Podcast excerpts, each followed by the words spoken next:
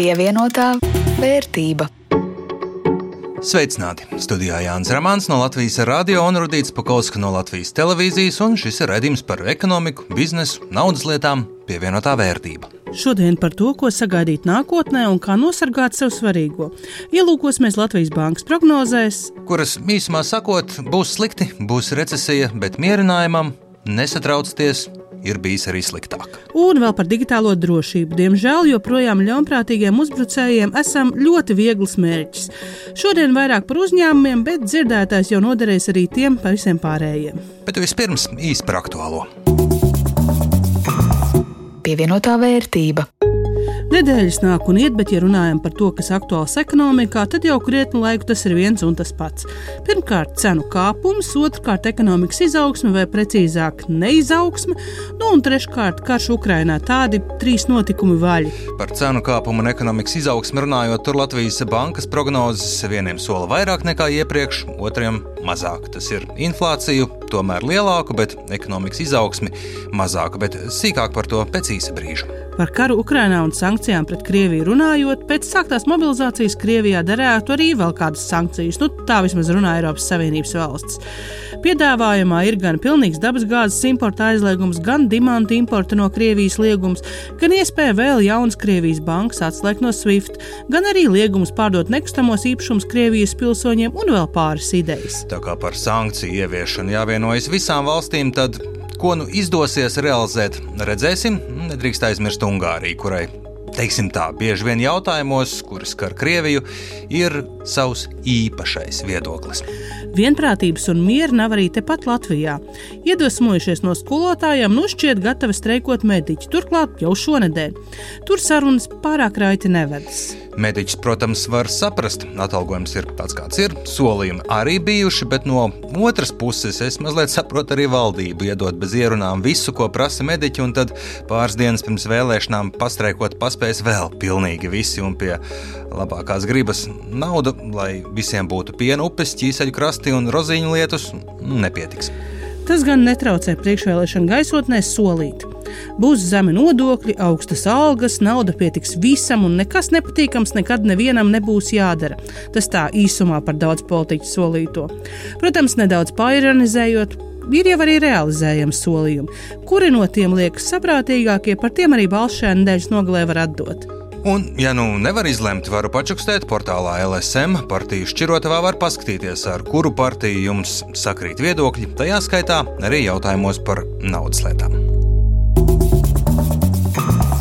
pievienotā vērtība. Nākošais gads jau būs krietni, krietni lēnāks, un gada mijā mēs gaidām stagnāciju. Ja? Bet recesijas riski no nu dienas, manuprāt, ir ļoti augsti. Ja? Bet šajā brīdī arī mēs runājam par nu, diezgan seklu un īsu recesiju. Ja? Līdz ar to bāzes scenāriju ietvaros, ja, kas mums ir tas pamatscenārijs, nākošajā gadā izaugsme zem 1% eirozonā. Ko tas nozīmē? Tas nozīmē kritums šī gada beigās, tāda mīņāšanās uz vietas nākošā gada sākumā, un pēc tam pakāpeniska atgūšanās. Negatīvo riski diezgan daudz, sākot ar ģeopolitiku un dažādām citām lietām.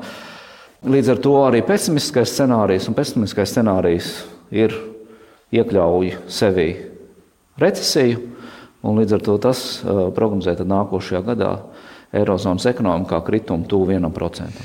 Stagnācija, recesija īstermiņā pavisam noteikti būs. Slikti. Tāds jaunākās Latvijas bankas prognozes un tās nomierinošā balsī izklāsta bankas prezidents Mārtiņš Kazāks. Bet Eirozonas ekonomika šā brīdī ir diezgan spēcīga. Mēs redzam, ka bezdarba līmenis ir zems, ja?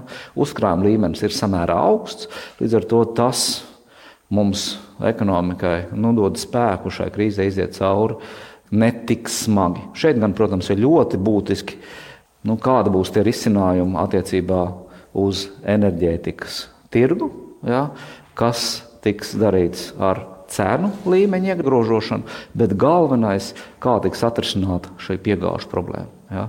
Lai gāzes pieejamība nav problēma, un lai ir zināms cenu līmenis. Ja. Pašreizajā brīdī šis viennozīmīgi ir energoresursu izraisītas krīzes rezultāts. Ar zemu bezdarbu, augstu nodarbinātību, par ko runājām pirms pāris raidījumiem, no vienas puses nodarbinātiem ir vieglāk pārlaist krīzi, no otras puses uzņēmējiem ir jāmaksā aizvien lielākas algas, lai tiktu pie darba rokām, un jo vairāk naudas ekonomikā, jo vēl vieglāk turpināties cenu kāpumam. Ekonomikā to sauc par algu cenu spirāli, kur abi šie faktori tik turpina viens otru dzīt augšup un augšup. Un tieši tas ir tas, ko ar naudas likmju kāpumu cenšoties ierobežot centrālās bankas. Šīs zāles ir rūktas, un ir risks, ka ar pārlieku strauju likmi celšanu naudas sadārdzināšanu, jeb tās vērtības kāpināšanu, var recesijas apstākļos nokaut ekonomiku pavisam. Likmes gan ir jāturpina celt, bet jābūt uzmanīgiem, saka Mārtiņš Kazāks. Laikos, jā, teiksim, vēsturē, ko mēs redzam, ja lielākā daļa centrālo banku ļoti strauji ceļ likmes, tas palielina recesijas riskus. Jā, tāpēc, ka sistēmiski pats ļoti likmes ļoti strauji, tas pavelk uz leju pasaules ekonomiku. Ja? Līdz ar to šeit tas skats ir jātur nu, krietni, krietni plašāks, ja? kā tas ietekmē visu pasaules ekonomiku. Pašreizajā brīdī no Eirozonas centrālās bankas puses, un mans personīgais viedoklis ir, ka likuma kāpums vēl var būt diezgan būtisks pirms tas sāks izteikti bremzēt ekonomiku. No tā viss secinām, kredīti paliks dārgāki un jau paliek, un ar to diemžēl jārēķinās. Kopumā uz Latvijas ekonomiku raugoties, mums tas nebūs tik sāpīgi, jo salīdzinot ar citām valstīm Eiropā, mums cilvēku un uzņēmumi ir aizņēmušies mazāk. Taču Tas ir kā ar vidējo temperatūru slimnīcā. Skaidrs, ka tiem, kuriem ir lielas kredīta saistības, viegli nebūs. Varbūt problēmas vienlaikus tik galā gan ar energoresursu cenu kāpumu, gan pieaugušajiem kredīta maksājumiem. Jau ir redzams, ka daļa cilvēku sāk tērēt savus uzkrājumus, kuri tik jauki auga pandēmijas laikā.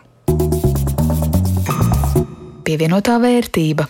Jo ekonomikā grūtāk laiki, jo vairāk pieaug noziegumu skaits.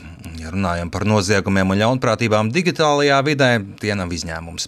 Turklāt pēdējā pusgada laikā strauji audzis tādu kiberuzbrukumu skaits, kur aizdomas vienas konkrētas valsts, Krievijas virzienā. Vairāk nekā 210 tūkstoši internetam pieslēgtu iekārtu augustā ir saskārušās ar kādu kiberapdraudējumu risku Latvijā. Tā liecina Informācijas tehnoloģiju drošība incidentu novēršanas institūcijas CERTLV statistika. Salīdzinājumam tas ir četras reizes vairāk nekā pērn šai pašā mēnesī. Viens no galvenajiem mītiem, kas ir valdījis ilgus gadus uzņēmumu starpā, ir, ka mēs esam pārāk mazi.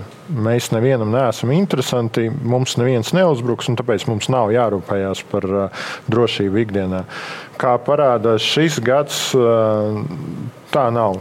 Ir interesanti visi uzņēmumi, kas sniedz jebkādu sabiedrībai svarīgu funkciju ar pat mazāko nozīmīgumu, un šiem uzņēmumiem agri vai vēlu kāds uzbruks. Piemēram, tie paši DDoS uzbrukumi pagājušajā gadā pārsvarā tika veikti finanšu institūcijām ar mērķi gūt labumu, izspiest naudu un, un traucēt iestādes darbību.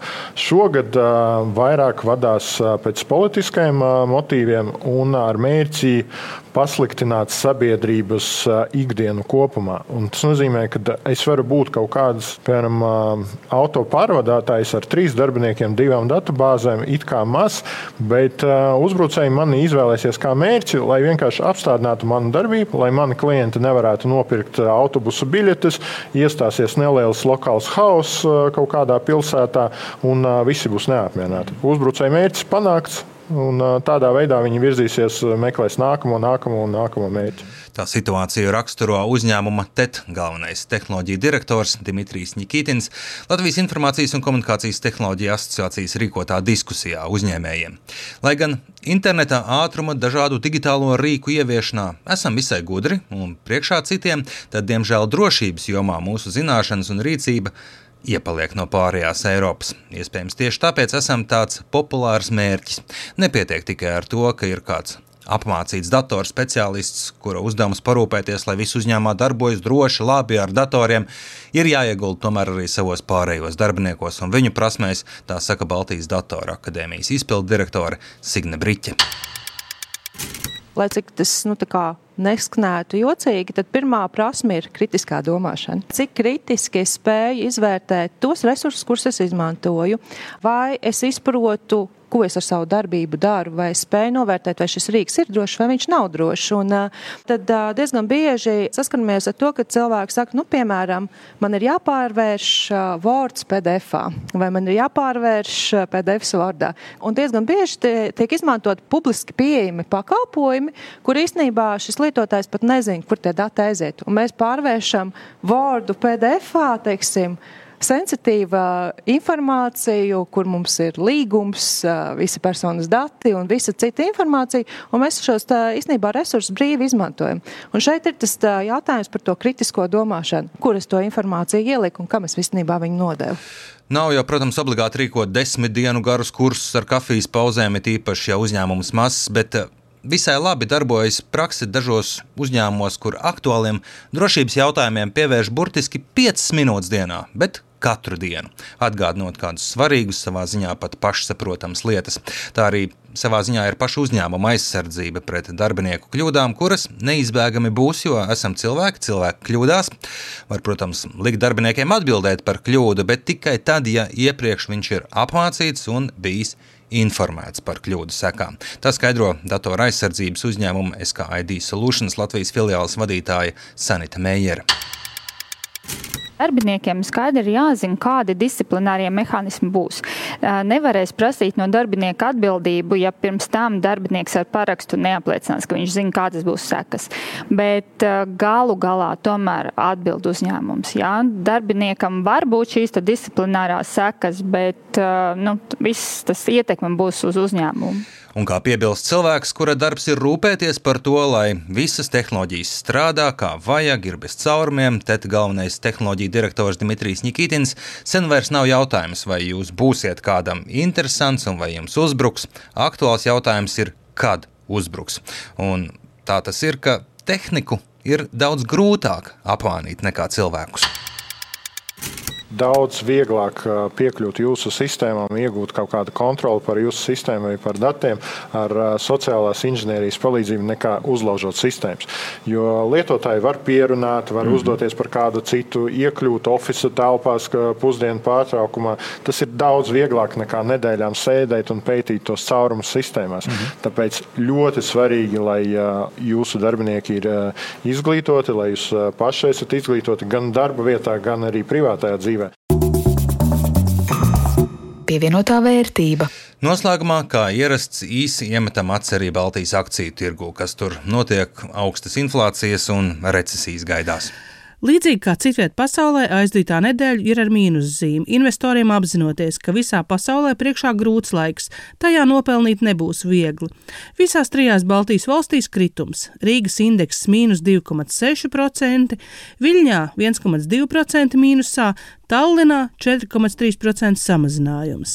Nedēļas lielākie zaudētāji - enerģētikas uzņēmumi un ar būvniecību saistītie, un arī tie, kuriem pārmērīgi daudz kredītu, bet eh, savu vērtību pagaidām vēl spēja noturēt tekstilrūpnieki, apģērba tirgotāji un ar lauksaimniecību saistītie uzņēmumi. Man, diemžēl, vairāk portfelī ir būvnieki un ar Nedēļas lielākais zaudētājs Enefit Green tam mīnus 10% un līdz ar to arī nepatīkams vērtības kritums. Naudas ziņā mīnus 20 eiro un kopējā portfeļa vērtība šobrīd 409 eiro.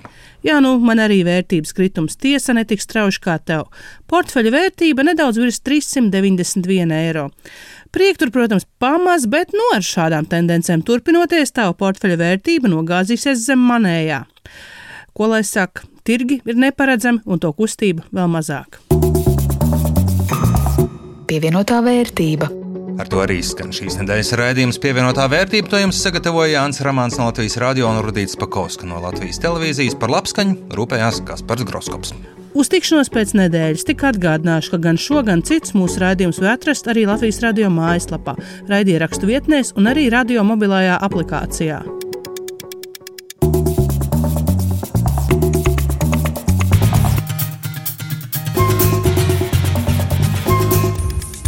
Pievienotā vērtība.